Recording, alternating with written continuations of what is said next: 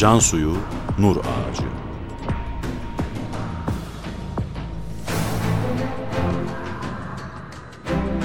Metin Yusuf Ziya Özkan. Yöneten Ömer Parlak.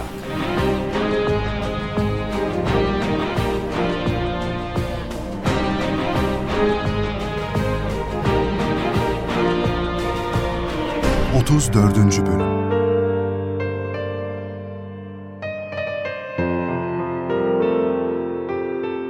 Isparta'nın ada kahvesi denilen mevkiinde bağ içindeki iki katlı bir evde üstadla beraberdik. Hüsrev Altınbaşak'la birlikte Nur Risalelerini yazarak çoğaltıyor, zaman zaman da tasih yapıyorduk. Bir gün yine tasih yapıyorduk ki kapı tıkırladı.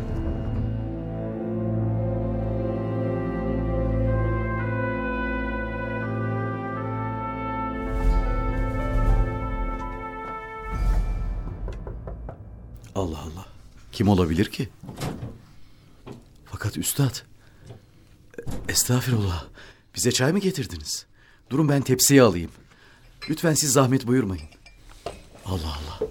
E, Şuraya bakın. Üstad bize iki bardak çay getirmiş. Hüsrev kardeş baksana. Yo, oturun yerinize ve işinize devam edin. Ben size hizmet etmeye mecburum. Aman ya Rabbi. Bir de mecburiyet ekliyorsunuz. Bu ne tevazu, bu ne nezaket. Ben bu nezaket ve tevazu ne mektebi aliyede, ne mektebi harbiyede, ne de ailemde hiçbir yerde görmedim.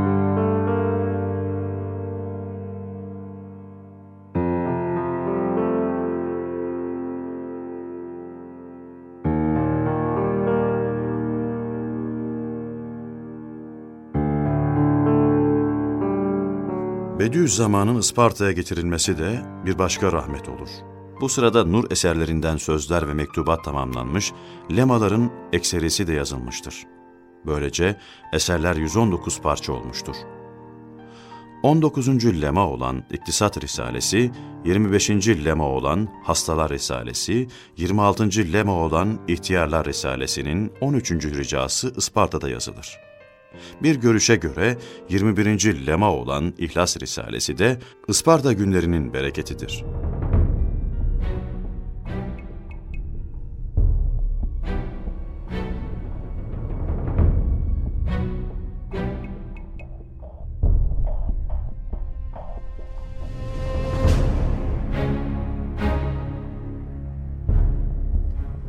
Durum ürkütücü. Daha iyi kontrol edelim diye Isparta'ya getirdik. Ama galiba yine iyi etmedik. Yok yok. Başka çareler düşünmemiz lazım. Bu adam her şartı lehine çevirebiliyor. Bu yargıya nereden vardınız hemen? Onu yeni kitlelerle buluşturduk galiba. Baksana. Isparta ve civarında ne kadar da seveni varmış. Özellikle gençlerin onu sevmesi dikkat çekici. Oysa gençlik Meğer şu İslam köylü Hafız Ali Efendi, sonra şu Ahmet Hüsrev Bey, sonra Tahir Mutlu ne kadar önemli şahsiyetler olmuşlar da haberimiz bile olmamış. adamlar bir gaye için yaşıyorlar. Hayat fonksiyonlarının üzerinde bir amaçları var. Sadece zevk ve sefalarının peşinde değiller. İdealleri var. Siz olayları sempatiyle seyredince böyle oluyor işte. Siz ki bu devleti korumakla görevlisiniz. Siz bildiğinize devam edin bakalım. Doğrusu sonunuzu pek merak ediyorum. Başı doğum, sonu ölüm bu işin. Aslında şu ölüm denen olay herkesi ürkütüyor. Bilim, felsefe, her kim ise asıl insanın mezar karşısındaki sorularına cevap bulmalı.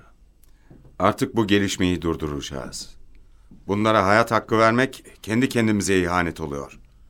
Ne olursa olsun durdurmalıyız. Buna izin veremeyiz. Tek tek isimlerini yazıyoruz. Tek tek takip ediyoruz. Ne demek istiyorsunuz? İçişleri Bakanı Şükrü Kaya, Jandarma Genel Kumandanı Kazım Orbay'ı da yanına alarak bir kıta askerle Isparta'ya geliyor. Ne yapmak istiyorsunuz? Neden? Şimdi piyasaya bir haber uçuracağız. Fısıltı gazetesiyle. Kulaktan kulağa onlara da ulaşmalı bu haber. Herkes bilmeli ki Risale-i Nurlarla ilgili olan herkes yakalanacak ve idam edilecektir. Çok insafsızca değil mi? Bu işi başka türlü önlememiz mümkün değil. Başka çaremiz yok. İdam edilecekleri kesin mi? Başka nasıl korku verebiliriz?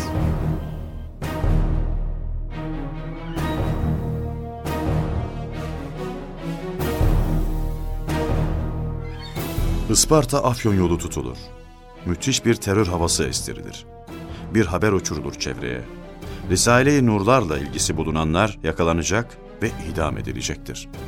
25 Nisan 1935 günü Nur talebelerinden bazıları evlerinden, iş yerlerinden alınarak tutuklanırlar. 27 Nisan sabahı ise Bediüzzaman tutuklanır.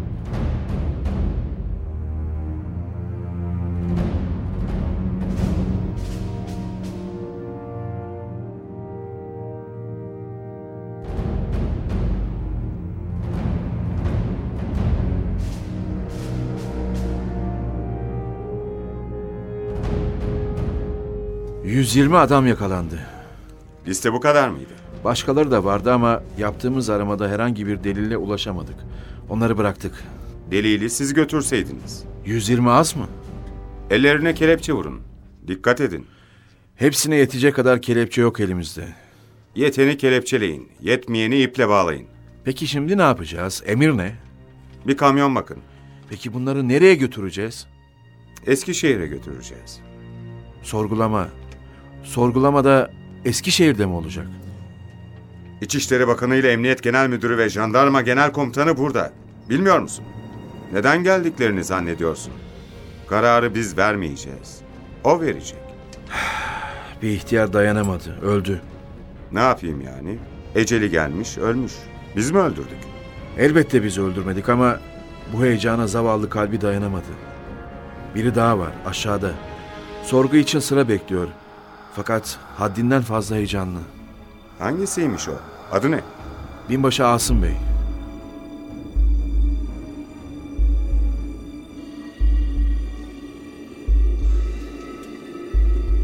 Ya Rabbi ruhumu teslim al. Ya Rabbi ruhumu teslim al. Al canımı ne olur. Ne diyorsun sen kardeşim? Ne demek bu? Kardeşim ne yapacağımı bilemiyorum. Çok çaresizim. Eğer ben her şeyi dosdoğru söylesem ruhumu her an kendisine feda etmeye hazır olduğum aziz üstadıma belki zarara dokunmak ihtimali olabilir. Eğer dost doğruyu söylemez ve tevillerle bazı şeyleri gizleme yoluna gitsem 40 senelik istikametli askerlik şerefime yakışmayacak. Ya Rabbi al ruhumu. Ya Rab ruhumu teslim al. Ama ölüm talep edilmez biliyorsun. Evet biliyorum. Fakat Ya Rab ruhumu teslim al. Ne oluyor orada? O adam ne yapıyor? Çok heyecanlı. Durmadan dualar mırıldanıyor. Adam ölüyor yahu. İlgilenin şununla. Ya Allah. Çabuk doktor çağırın.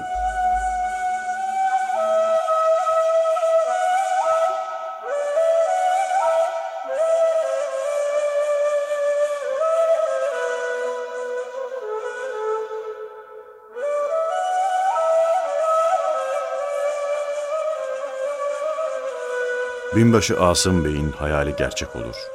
Hemen oracıkta rahmeti Rahman'a kavuşur. Sorgulama birkaç gün sürer. Hiçbir suç unsuru bulunamaz. Fakat tuhaf bir yaygara koparılır. İş büyütülür de büyütülür. İçişleri Bakanı büyük gürültülerle gelir Isparta'ya. Sonunda adi bir zabıta vakasıdır diye beyanat vermek zorunda kalır. Ancak iş bitmemiştir. Daha geniş çaplı araştırma ve soruşturmalar yapılmasına karar verilir ve tutuklular Eskişehir hapishanesine sevk edilirler.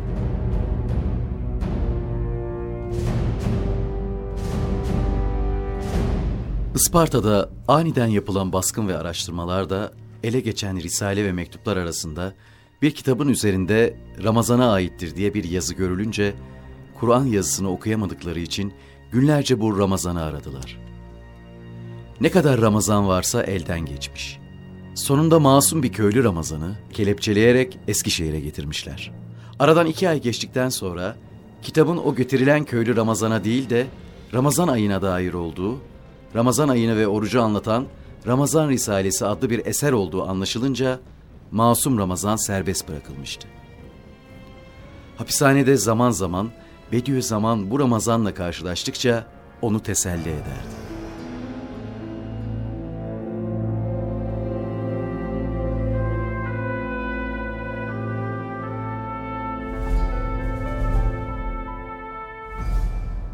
Kardeşim Ramazan, hakkını helal et.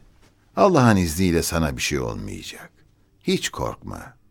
Lakin bizim yüzümüzden acı çektin. Hakkını helal et.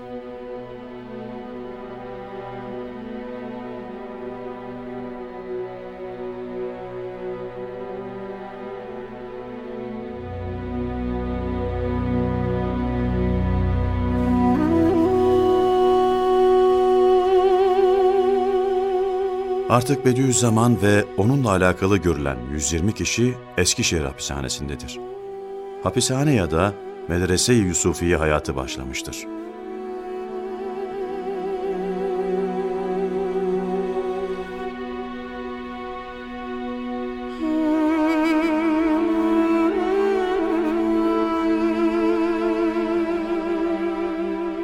Asıl amaç Isparta'yı geçtikten sonra ıssız bir vadide Bediüzzaman ve beraberindekileri imha etmektir.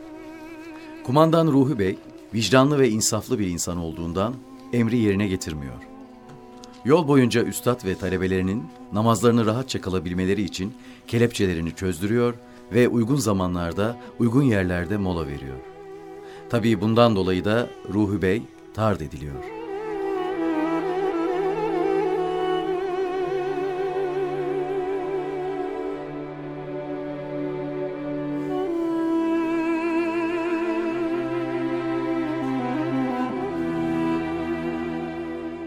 Eskişehir, Ankara, Afyonkarahisar, Kütahya, Bilecik, Bolu arasında bir ilimizdir.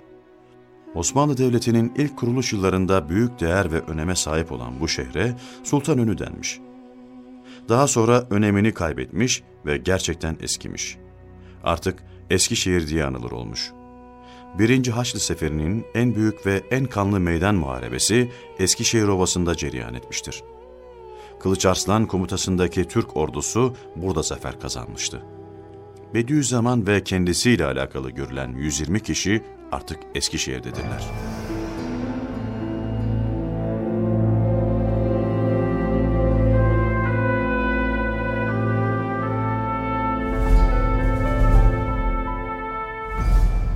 Bu adamları içeri tıktık. Tamam. Ama bunların çoğu ihtiyar. Tuvalet yok. Ne yapacaklar? Ne yaparlarsa yapsınlar. Sonra temizlemek bize düşmesin. Öyleyse söyle gardiyanlara bir çözüm bulsunlar. Yani dışarı tuvalete çıkabilirler değil mi? Öyle demedim. Çıkamazlar. E peki tuvalet işini nasıl çözecek gardiyanlar? Öf. Nasıl çözerlerse çözsünler. Ama çözsünler.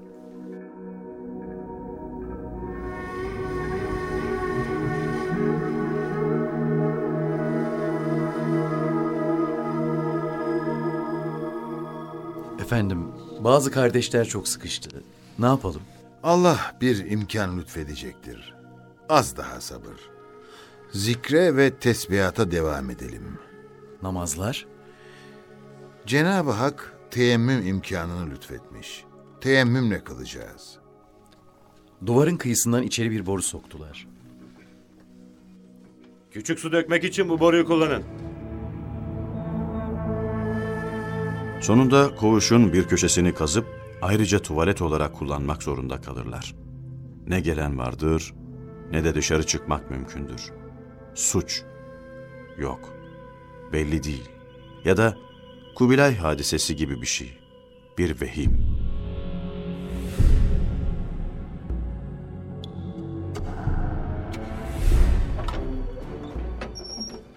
Alın bir kişi daha. Bu da sizdenmiş. Ne içiyorsun ya? Selamünaleyküm kardeşler. Bu da kim? Ben hiç tanımıyorum. Acaba üstad tanır mı? Bizi elbet kendi halimize bırakmayacaklar. İçeride ne olup bittiğini bilmezlerse meraktan çatlar bunlar.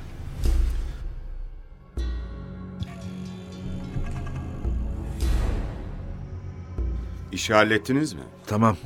Onlardan biriymiş gibi bir adamımızı yanlarına attık. Adam sağlam mı peki? Neden sordunuz? Senin gibi biri ise aralarında erir gider. Bize değil onlara çalışır. Merak etmeyin. Hiç değilse işi anlayana kadar bize çalışacağına emin olabiliriz.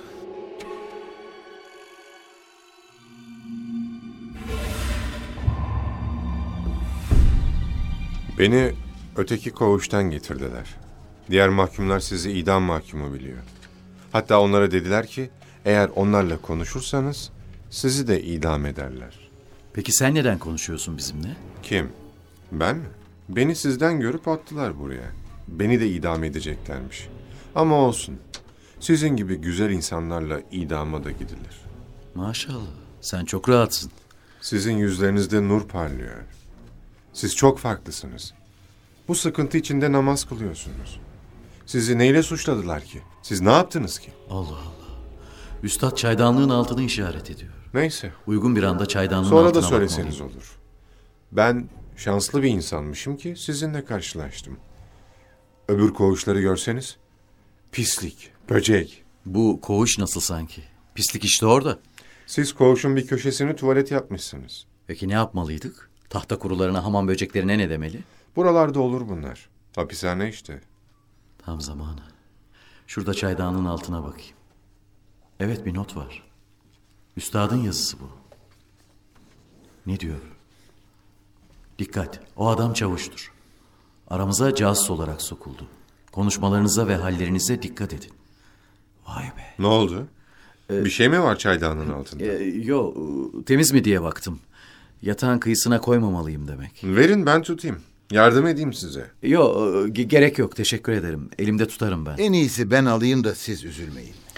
Ee, fakat efendim, Verin Refet Bey. Bana verin. Bu göz doktoru Şevket Bey de sizden mi? Bizim bir talebemizin gözünü tedavi etmişti. Biz de kendisine bir teşekkür mektubu yazdık. Bu sebepten getirmişler. Üzüldük tabii. Ama kader işte. Ya Aydın müftüsü ne suç işledi ki? O da burada. Hiçbirimiz herhangi bir suç işlemedik. Sadece suçlanıyoruz. O kadar. Bu Aydın müftüsünün ne yazık ki bizimle hiçbir alakası yoktu.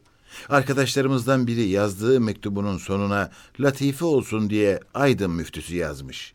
Bu müftü efendi de bu yüzden tutulmuş getirilmiş. Aylardır bizimle burada yatıyor işte. Binbaşı Asım Bey'e ne oldu? istikamet şehidi oldu. Ve dünyada hiçbir kanunun hata diyemeyeceği bir muaveneti hayriyeye ve bir tasdike hata tevehhüm edenlerin çirkin hatalarına kurban oldu.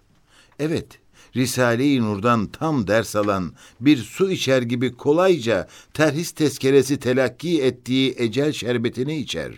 Eğer benden sonra dünyada kalan kardeşlerimin teellümlerini düşünmeseydim, ben de Ali Cenap kardeşim Asım Bey gibi, Ya Rab, benim canımı da al diyecektim. Her neyse,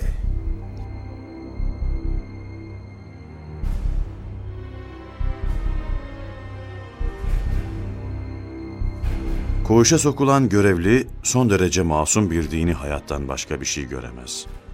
Hemen Bediüzzaman arkadaşlarından tecrit edilir. Tam bir tecriti mutlak içerisine alınarak kendisine ve talebelerine çeşitli zulümler yapılır. Dehşetli işkenceler tatbikine başlanır. Ancak bütün bunlar Bediüzzaman'ın hizmetini ve gayretini engelleyemez. O her zemin ve şartta davasına hizmet etmenin mümkün olduğunu göstererek ispat eder.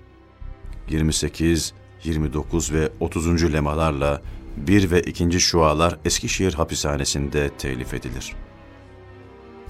Bir gün genç stajyer avukat Kemal Tener, hapishaneye Bediüzzaman'ı ziyarete gelir. Bediüzzaman tam namazı bitirmiş, tesbihatını yapmaktadır.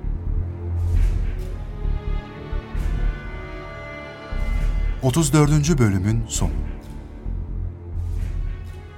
Yarın aynı saatte tekrar görüşmek üzere. Burç Prodüksiyon